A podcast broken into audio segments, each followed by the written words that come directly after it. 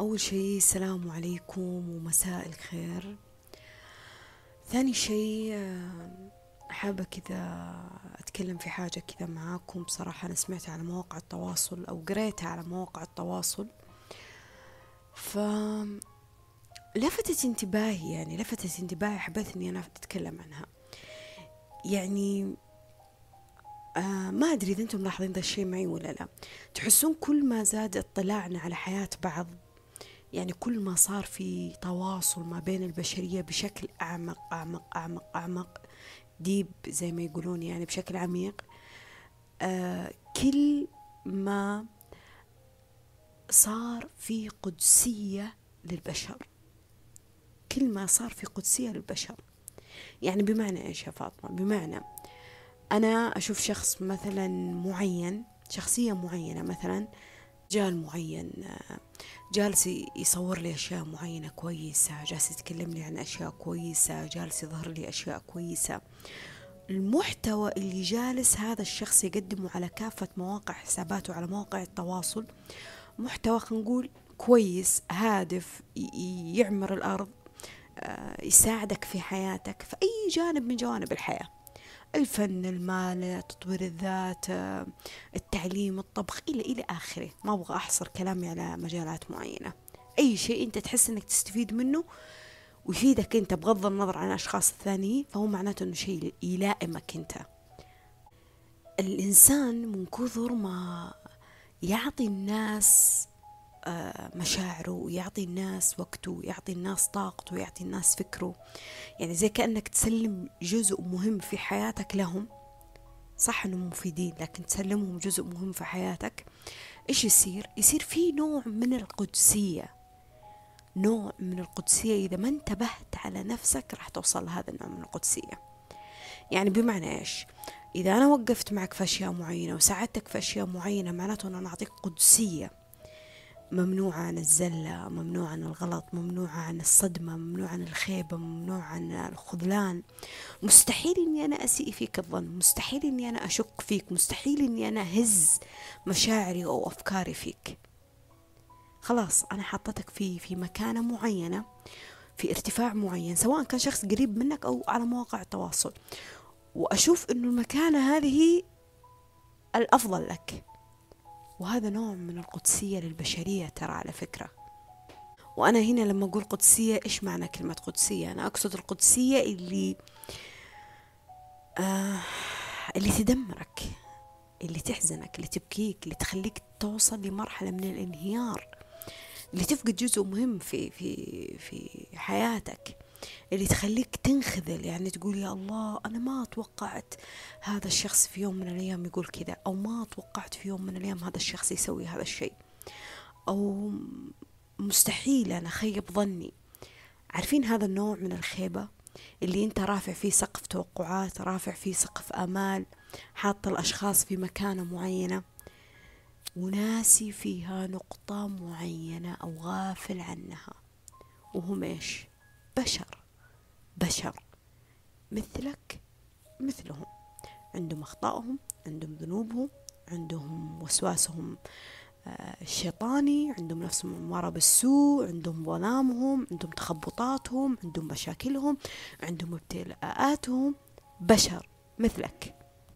البشري هذا أنت ناسي إنه مهما كان تخصصه مهما كانت ثقافته مهما كان علمه مهما كان نابغة مهما كان آه، واصل لمكانة اجتماعية معينة هو إنسان هو إنسان في النهاية. جايز ياخذ قرار غلط جايز ياخذ آه، آه، يسوي اختيار غلط. جايز تغلب عليه الشهوة الرغبة. جايز تنقلب حياته بتفاصيل غلط. بعد ما كانت صح وممكن تنقلب حياتها صح بعد ما كانت غلط. إنسان إنسان مثلك إنسان آه عنده تخبطاته اللي, اللي ما تقدر تحصرها على مجال معين أو في مكان معين. هذا الإنسان حتى لو كنا أنا وإنت نستفيد منه في حاجة معينة. يعني مثلا أنا على سبيل المثال بحكم إني أنا إنسانة متحدثة أو بحكم إني أنا كاتبة وبحكم إنه في ناس تتابعني وفي ناس تستشيرني وفي ناس تتكلم معي وتفضفض ونحل مشاكل ونسولف ونتكلم في الحياة وبال وبالمشاكل بالفلسفة إلى ما لا نهاية.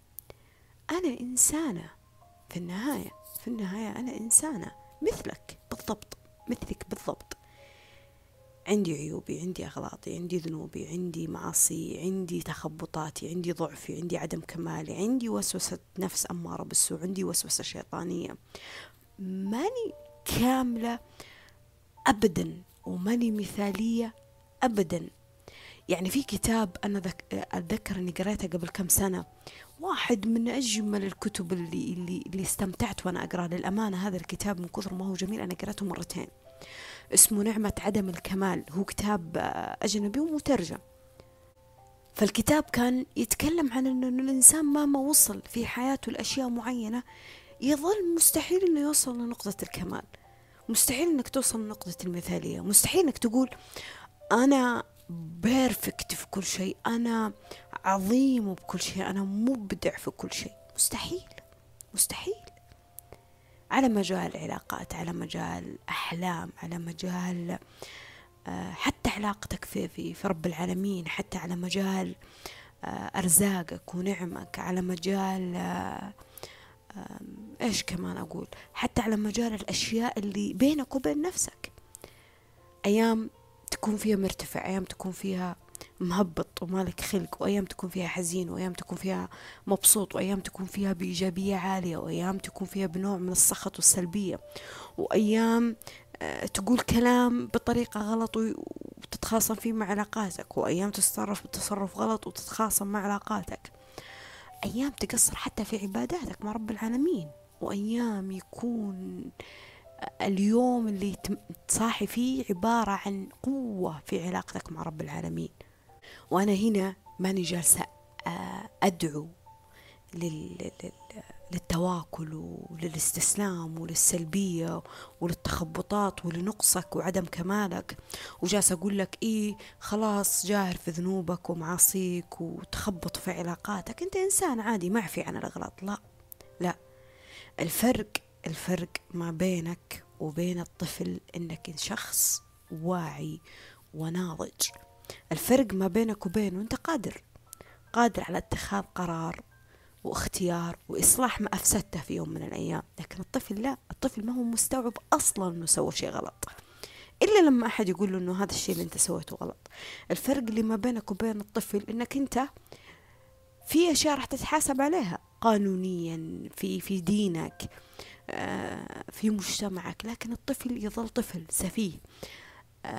خالي من الأخطاء. يعني ما راح تقول ليش هذا الطفل ما يصلي مثلا. أو هذا الطفل راح يتحاسب أو هذا الطفل راح يتجازى أو هذا الطفل ليش يقول ذا الكلام أو ليه يسوي هذا التصرف وهذا السلوك. طفل طفل قادر أنت على تكوينه وتغييره وإعادة ترتيبه صح ولا لا؟ لكن لما تكون في عمر النضوج وبالغ وفاهم ده أنت محاسب في كل شيء. على صيامك على صلاتك على على كلامك آه على أخلاقك على سلوكك على نواياك على تصرفاتك على كل حاجة في حياتك أنت راح تتحاسب عليها. بالصح بالغلط بالحلال بالحرام باللي, باللي باللي هو. فهذا دلالة على أنك أنت إنسان شخص واصل لمرحلة من النضوج قادر فيها على أخذ القرار فيها والتغيير. طيب يا فاطمة لما نوصل هذه المرحلة من النضوج إيش اللي يتغير؟ اللي يتغير إنه قد ما تتخبط راح تصلح وقد ما راح تتبعثر راح ترتب وقد ما راح آه، تغير راح تستمر وقد ما راح تحزن راح تحاول إنك تتعايش وتتأقلم وتطلع نفسك من هذا الشيء. وقد ما تعطيك الدنيا أخبار سيئة وسلبية وابتلاءات وأوجاع و... وقد ما راح تمر عليك ظروف معينة في أشياء معينة قد قد ما إنك راح تتعلم وراح تستشير وراح تغير وراح تسأل وراح تدعي. يعني راح تكون في منطقة جدية مع نفسك. حتى لو كانت هذه الجدية دخل فيها نوع من الكسل أحيانا والفتور والاستسلام والتوقف للارتياح لأيام مثلا السخط السلبية الغضب أحيانا. أنت إنسان إنسان إنسان لا تعامل نفسك بمعاملة اللي آه أنا ملاك. لا أنت ما أنت ملاك ولا عمرك راح تكون ملاك. أبدا. أنت بشري. بشري. بشري. آدم وحواء نزلوا من الجنة عشان تفاحة. بشري. بشري. تغلط. تتخبط. تسأل. تشتكي. تتساءل. قبل سنة أو سنتين تقريبا يمكن. سنتين تقريبا. يعني جلست فيها مع نفسي جلسة كانت من ضمن الأشياء اللي جلستها في لحظة من العزلة. قلت فيها لروحي يعني أنا وصلت لنقطة من النضج والوعي واستوعبت فيها حاجة إنه السعادة والإيجابية هي مجرد شعور لحظي. السعادة يعني شفت لما أنا أقول لك أنا أنا عند أنا أبحث عن السعادة أنا أبحث عن الإيجابية هي مجرد شعور لحظي ترى. مثلها مثل الغضب مثل الحزن مثل تقلب المزاج. فأنا لما أجي أقول مثلا أنا والله يا فاطمة اليوم أخطيت. يعني معناته في مجال للصح. طيب؟ مثلا يا فاطمة لما أنا أقول والله أذنبت يعني في مجال للتوبة. لما نقول والله أنا حزينة يعني في مجال للسعادة. والله يا فاطمة أنا عندي مشكلة يعني في مجال للحل. هذا الفرق اللي ما بينك وبين الطفل. فأنت إنسان المفترض أن القدسية ما تعطيها لأي كائن كان على وجه الأرض مهما كان. أهلك. قبل أهلك. نفسك. نفسك. أنت ما تقدس نفسك. نفسك. أهلك. أقاربك. أصحابك. مجتمعك. جيرانك. الحياة اللي حوالينك. آه ما أدري إيش أقول. الناس اللي اللي اللي تعطي استشارات في بلدك في استشارات دينية استشارات مالية استشارات قانونية استشارات في مجال العمل إلى آخره ما في قدسية للبشر. فكرة أن الشهادة فكرة أن الشهادة هي اللي تحكم على على طريقة تعاملنا مع البشر لا هذا غلط. لا. المثل المصري اللي يقول لك إنه الناس مقامات ومن عرف مقامه في الهنا يبات تقريبا إذا ما إذا ما لخبطت فيه. معلش بس أنا متأثرة في الدراما المصرية حقت نور الشريف يعني. الله يرحمه.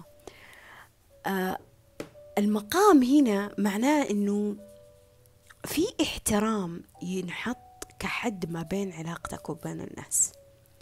يعني بمعنى إيش؟ يعني أنا لما أروح لدولة معينة أنا أنا أحترم قوانينها أنا أحترم شعبها أنا أحترم عاداتهم وتفاصيلهم. هذا هو معنى الاحترام. هذا معنى إنه أنا أحط مقام بيني وبين الناس. أنا لما أحط احترامي أنا أفرض احترامي فبالتالي أنا راح أتلقى الاحترام منهم. أنا لما أدخل مثلا القانون مع أشخاص يعني ما أقدر أتفاهم معهم ما أقدر أتناقش معهم. سيئين مثلا في الأخلاق في, في السلوك في التصرفات في الطبع. فحماية لنفسي أنا أدخل القانون في ذا الموضوع. هذا معناه أني أنا أعرف مقامي وأعرف مقامهم. لما أجي في مشكلة بيني وبين طفل أعرف مقامي وأعرف مقامه. يعني طفل طفل في النهاية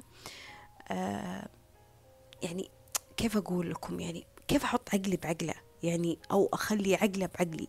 فهمتوا؟ فأنا أعرف هنا مقام كل شخص فينا فالمقامات مهمة لكن المقامات المقامات ما تعطي القدسية. فهمتني؟ يعني رصيده في البنك شهاداته اللي متنثرة في الدرج آه، مكانته الاجتماعية ومنصبه الوظيفي ولا علاقاته ولا قبيلته ولا جنسيته ولا الكلام هذا الكبير اللي بعض من الناس تهايط فيه هذا ما يعطي ما يعطي قدسية للبشر. يعني مو معناه شيخ القبيلة ما راح يغلط. مو معناه مع الجنسية الفلانية ما راح يغلط. مو معناه إنه حافظ لكتاب الله يعني ما راح يغلط. مو معناه إنه إمام مسجد معناه ما راح يغلط. مو معناه أنه يتكلم في أمور الدين يعني معناه كامل ومثالي وما يغلط. مو معناه أنه اخترع شيء أفاد البشرية يعني هذا الإنسان لا يمكن إنه يغلط. ما يعني إنه هو دكتور ولا مهندس ولا مدرس إنه والله كامل ومثالي بالذات المدرسين. يعني كثير من الناس تعطي قدسية للمدرسين. هي ترى إنسان مثلك هذا. ممكن هو شايف التدريس كمهنة يجي يعطي فيها الطالب يعطي دروسه فيها للطالب يروح. ما يشوفها أكثر من كذا. فالقدسية هذه في أي مجال وظيفي في أي مجال معرفي أي مجال ثقافي في أي مجال في أي مجال هي اللي خربطت أشياء معينة في اعتقادات وبرمجة بعض من الناس. يعني على سبيل المثال أنا في حساب شفته مرة على تويتر أمس تقريبا شفته كاتب منزل صورة كذا آه، لعامل نظافة هو الإمام جالس يصلي في مين؟ خلفه دكتور ومدرس أو محاضر حاجة زي كذا يعني. وكاتب يعني يعني منبهر هو. وهذا عامل النظافة وخلفه الدكتور و... طيب يعني إيش؟ يعني يعني هو عامل النظافة مفروض في ديننا هو ما يئم؟ والدكتور هو اللي يئم؟ ولا إيش؟ يعني أنا ماني فاهمة يعني فين المشكلة في الموضوع؟ أو فين الشيء اللي يثير الاستعجاب يعني؟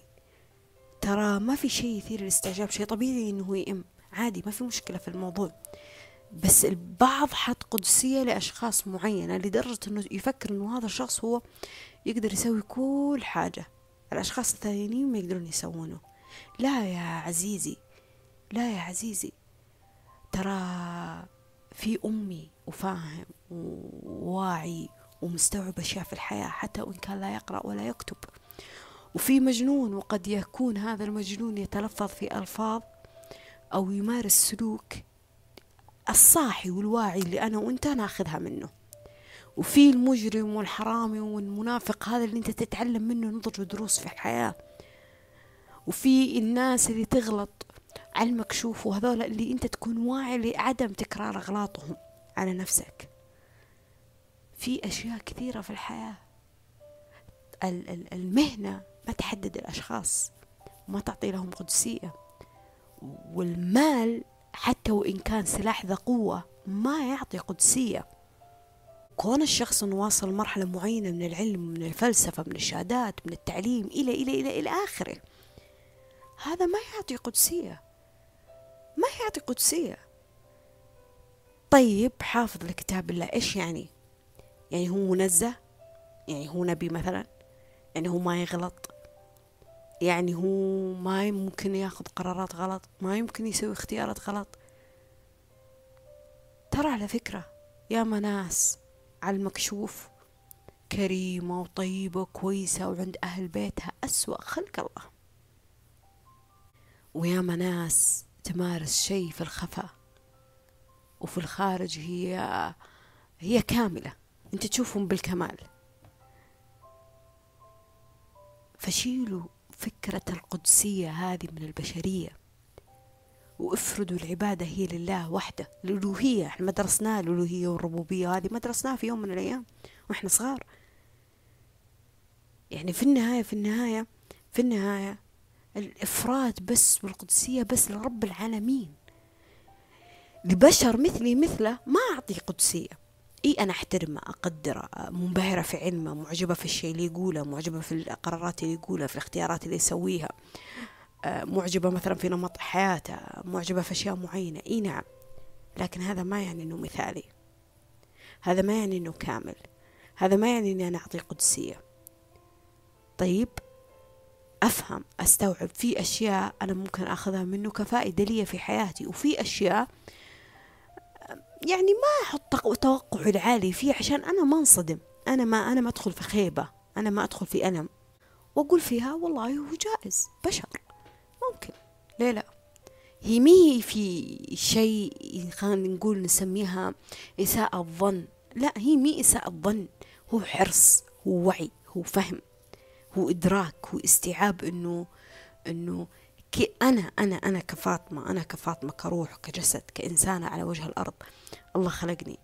بما إني أنا أعرف الناس بنفسي وأنا بصير على نفسي وأعرف إنه أنا عندي تخبطاتي واغلاطي وذنوبي ومعصي ومحاولاتي وسعي وحزني وفرحي في الحياة ممكن إنه من خلال ذا الشيء أنا أشوف الناس نفس الحكاية. نفس الحكاية. يعني مي معقول إني أنا راح أشوف الناس أفضل من روحي؟ طب هم زيي زيهم. يمكن هم أفضل مني أو خليني أقول هم عندهم ظروف أفضل خلينا نقول. بشهادة بمهنة بحياة كريمة آه، بفلوس بعلاقات اجتماعية إلى آخره. تمام أوكي أشياء دنيوية زي ما نقول ما في مشكلة. لكن هذا ما يعطيهم القدسية لأنه الشيء المادي هذا شيء مو محصور على فئة معينة هذا شيء قادر على تكراره لفئات معينة على وجه الأرض. يعني إيش يا فاطمة؟ يعني اللي أخذ شهادة معينة أنت قادر على أخذها. اللي آه، وصل لمبلغ معين أنت قادر على وصولك له. اللي تعلم بحاجة معينة قادر على تعليمه اللي قرأ كتب قادر أنت تقرأ كتب. إلى آخره. في أشياء في أشياء إي نعم إي نعم ما تقدر تسويها ليه؟ لأنه حتى الناس في أشياء أنت تسويها هم ما يقدرون يسوونها. وهنا معناها إنه ربنا ولا تحملنا ما لا طاقة لنا به. إنه الإنسان له طاقة معينة وقدرة معينة وميزة معينة وإمكانية معينة في حاجة معينة تختلف عن الشخص الآخر. قد نتشابه. شوف قد نتشابه بأفكار بسلوك بعادات بتصرفات بنمط حياة بأساسيات حياة لكن في اختلاف في أشياء معينة. في اختلاف. يعني أنت ممكن تشوف محل جوالات في شارع كامل أكثر من مئة محل مثلا. كل إنسان سبحان الله قادر يطلع رزقه بطريقة معينة مع أنه ممكن يبيعون نفس السلعة نفس المنتج نفسه. بس طريقة التسويق طريقة البيع طريقة الممارسة هنا تختلف من شخص لآخر. فهنا كل إنسان سبحان الله جالس يطلع رزقه بالطريقة المعينة. أنا مثلا متحدثة وأكتب و... و... وأسجل مقاطع وإلى آخره. في كثير من الناس تتكلم عن عن الحب عن التفكير عن العلاقات عن عن إلى آخره. بس هذا الشيء ما يخليني أنا أقارن نفسي في الناس. ولا الناس تقارن نفسها فيني. كل إنسان قادر يطلع الشيء اللي في داخله بطريقة معينة وبأسلوبه وشخصيته معينة. يعني أنا شخصيتي تختلف عن شخصية الناس الثانية. حتى وإنت شابهت معهم في نوع معين من التفكير أو في نوع معين من السلوك والعادات. أظل أنا فاطمة وهم فلانة وفلانة وفلانة. وهنا الاختلاف لا يفسد من الود قضية الاختلاف ما يعني الاستنقاذ الاختلاف يعني التمييز. يعني كل إنسان قادر آه، يظهر الشيء اللي عنده بطريقته. بطريقته. كل إنسان تختلف طريقته في التربية كل إنسان تختلف طريقته بالتفكير كل إنسان تختلف طريقته ب ب ب بالتعامل مع ظروف الحياة بالطاقة بالمشاعر بإلى آخره. فأنا لما أشوف نفسي وأقول أنا فاطمة فينا كذا وكذا وكذا كذا وفيني كمان أشياء حلوة اللي هي واحد واثنين وثلاثة وأربعة هذا يخليني كنوع من الحماية للروح في داخلي إني أنا لما طالع للناس اللي قدامي أقول فيها والله أوكي أنا استفدت من الإنسانة هذه مثلا. أو استفدت من هذا الشخص مثلا في حاجة معينة أو أتابع الحساب الفلاني. في شيء معين أنا أبحث عنه. يعني مثلا أنا أبحث عن حسابات آه، مثلا آه، مثلا في حسابات مثلا توظيف. خلاص أنا أتابع هذا حساب التوظيف. حسابات مثلا تتكلم عن الطاقة حسابات تتكلم مثلا عن الوعي حسابات تتكلم مثلا عن أمور دينية. أنا مهما تنوعت الأشياء اللي أنا أتابعها على مختلف مواقع التواصل أو مهما تنوعت علاقاتي الاجتماعية في الناس اللي حواليني ما أعطي قدسية لهم. مستحيل إني أنا أعطي لهم قدسية. أقول جايز هذا الحساب ممكن خلفه شخص فاسد. جايز هذه الإنسانة يكون خلفها أصلا مادي بحت يعني هي أصلا ما هدفها تغيير الكون هي هدفها بس إنها تأخذ من ورانا فلوس. جايز إنه آه، صاحب الحساب الديني هذا ممكن يطلع من الدين يطلع من الدين وينضم لدين ثاني أو أو يقول ما لا يفعل. صح ولا لا؟ مو جايز. مو ياما سمعنا ناس كانت مسلمة ودخلت الإسلام دين ثاني. وياما سمعنا ناس كانت ما هي مسلمة ودخلت للدين. وياما سمعنا ناس كانت تمارس العبادات الدينية بشكل عام. وبعدين طلعت على على على على المكشوف وقالت أنا هذا الشيء ما عاد راح أمارسه. تحشار ما قد سمعنا هذه الأشياء. وياما ناس كان ينضرب فيها المثل في أخلاقها في أشياء معينة. وبعدين آه، أجرمت أو أفسدت أو قتلت أو إلى آخره. فكل شيء جائز على وجه الأرض. مع البشرية كل شيء جائز. ما تقدر تقول والله هذا تصنيف مميز وأقدر أنه هذا الشخص أحطه في في إطار معين. لا ما تقدر ما تقدر. حتى لو الشخص مدح نفسه أثنى على نفسه. حتى لو الناس كلها أجمعت على أنه أفضل البشرية. يظل إنسان بشري. في مقولة مرة قالها أحمد الشقري واحدة من أجمل المقولات قال أنا لست صالح ولكني مستور هذه هي إحنا تحت ستر رب العالمين تحت تحت ظل رب العالمين تحت بحثنا. و... وانهيارنا و... ورغبتنا في الحياة ولو ظهر ما في صدور الناس تتقاتلت بالسيوف ترى على فكرة ليه لأنه الإنسان الإنسان كائن خليني أقول أكثر شيء جدلة. يعني ما تقدر تجزم أنه هو واحد واثنين وثلاثة ما تقدر. أنت بنفسك ما تقدر تحصر نفسك بتفكير معين ومشاعر معينة وحياة معينة ونمط معين. فما بالك في الناس اللي حوالينك. فبلاش تقول يو أنا ما توقعت فاطمة أنا انصدمت من هذا الشخص. لا ما تنصدم. توقع. توقع. معلش نعطي ذهول وانصدام لحظي بس بعدين نرجع نكمل حياتنا. ما نخلي الانصدام هذا نوع من الخيبة والحزن اللي تقيد حياتنا. الرسول عليه الصلاة والسلام لما مات أبو بكر وش قال؟ قال من كان منكم يعبد محمد فأن محمد قد مات. اللي كان يعبد محمد عليه أفضل الصلاة والسلام صلوا عليه قد مات. ومن كان يعبد الله فإن الله حي لا يموت. قاعدة ربانية إفراد الله بالعبادة. والله وش قال؟ قال وما محمد إلا رسول. قد خلت من قبله الرسل. محمد رسول ترى. وما عليك إلا البلاغ. الله أرسل رسالة معينة وأنتهت الرسالة ومات. زي زي نوح زي لوط زي آه زي مين؟ زي سليمان زي موسى زي أي نبي الله أرسله. وما محمد إلا رسول قد خلت من قبل الرسل. أفأن مات أو قتل مات النبي هذا أو قتل انقلبتم على أعقابكم. ومن ينقلب على أعقابه هذول الناس اللي تعطي قدسية. الرسول عليه الصلاة والسلام الناس آه، كانت تستفيد منه وكانت تستشيره وكانت تسأله وكانت تتساءل في تفاصيل حياتها في أشياء في الدين عن طريقة. لكن أنتهت مهمته على وجه الأرض وراح منها. فأنا أقوم أطلع من الدين عشان هو راح منها. لا هذه معناتها أني أنا معطيته قدسية. القدسية لرب العالمين.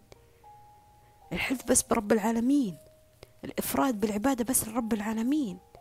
إحنا نحب الرسول عليه أفضل الصلاة والسلام ونتمنى أنه يشفع لنا ونتمنى أنه نجاوره في الفردوس. لكن الرسول بشر بشر. ومن ينقلب على عاقبيه فلن يضر الله شيئا. ترى في النهاية أنت ما تضر إلا نفسك. لما تعطي قدسية للبشرية اللي مثلك أنت ما تضر إلا نفسك ترى. أنت ما تضر إلا نفسك. يعني أنا لما أجي أقول والله هذا رجل الدين أو هذا العالم أو هذا المخترع أو هذا المثقف أو هذا الفيلسوف وبعدين أنصدم. أو أعطي قدسية مثلا لأهلي أو أعطي قدسية مثلا لناس معينة أو علاقة عاطفية وأقول لا أنا ما توقعت فاطمة. هذه الإنسانة وقفت معي في أشياء كثيرة. هذه الإنسانة مستحيل تغلط. أو أنت تقول والله هذه إنسانة كانت صاينتني وتحبني مستحيل كانت تغلط. لا لا لا لا لا. لا القدسية بالمية بالمية هذه هذه غلط. شوف كون إني أنا أحترمك كون إني أنا ما أشكك فيك هذا ما يعني إني أنا ما أحرص منك. كون إني أنا آه، أساعدك وأوقف معك وأسمع لك. هذا ما يعني إني أنا ما عندي مشاكل وما عندي هموم ما عندي غموم ما عندي أشياء تتعبني في الحياة. وكون إني أنا أنا ما أنا أساعدك في في في تغيير عادة معينة أو في غلط معين هذا معناه إنه هذا مو معناه إنه أنا ما قد غلط أو أنا ما أغلط. الفرق اللي ما بيني وبينك إنه أنا ممكن أخترت من الحزن سلاح للسعادة. واخترت من الرتابة سلاح للسعي واخترت من الكسل سلاح للاستمرارية حتى لو توقفت لايام الفرق اللي ما بينك وبين شخص إنه أنا ممكن أغير زاويتي للحياة. إيه أتص... أبكي وأتسخط واتذمر و... بس بعدين أطلع نفسي. ما أحب إني أنا أكون في دائرة الاكتئاب والحزن لفترة طويلة. دائرة الغم لفترة طويلة. الفرق إني أنا الفرق إنه إنه لما تتأخر علي نعم معينة ما صارت في حياتي ألمس النعم اللي موجودة حواليني. ألمسها. في ناس أصلا ما تشوفها. ما تشوفها. تعرف إيش معنى كلمة ما تشوفها؟ في ناس ما تشوف إلا المفقود ما تشوف الموجود. فهذا الفرق اللي بينك وبين الشخص بس هو مستوى في التفكير والمشاعر لا أقل ولا أكثر لكن هذا ما يعطي الأفضلية ترى.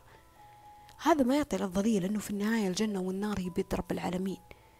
ما أحد يقدر يدخلك جنة ونار إلا رب العالمين هو اللي حاسبك هو اللي حاسبك حتى لو جاء إنسان مهما كان وصل علمه ونباغته وقول لك لا لا أنت داخل النار داخل النار. من أنت؟ من أنت عشان تقيمني أنا أدخل النار؟ إذا الموت وهو موت ما تقدر تردع عني ولا تقدر تردع عن نفسك. بتقدر أنت تدخلني نار وجنة؟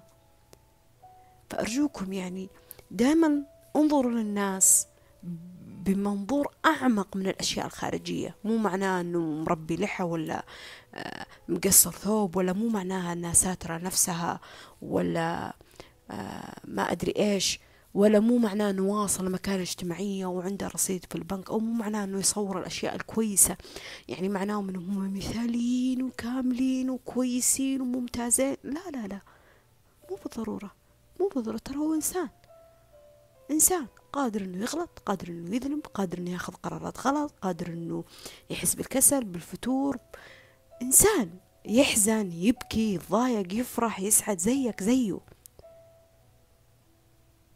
لازم تستوعب ذا الشيء عشان أنت من الداخل تفك قيد القدسية للبشرية. البشر لا يتقدسون ونفسك ما تقدسها. أنا أنا لما أرحم نقاط ضعفي وعيوبي وتخبطاتي وصلاحي وظلامي ونوري أنا لما أرحم ذي الأشياء فيني وأبحث عن تغييرها هذا سبيل إني أنا كمان أشوف ذا الشيء في وجيه الناس. ولا تكون أنت راحم للناس ولا أنت راحم نفسك. والعكس لا تكون أنت قاسي للناس وترحم الناس. يا هلا بذكر الله وبس والله هذا اللي حبيت أقوله.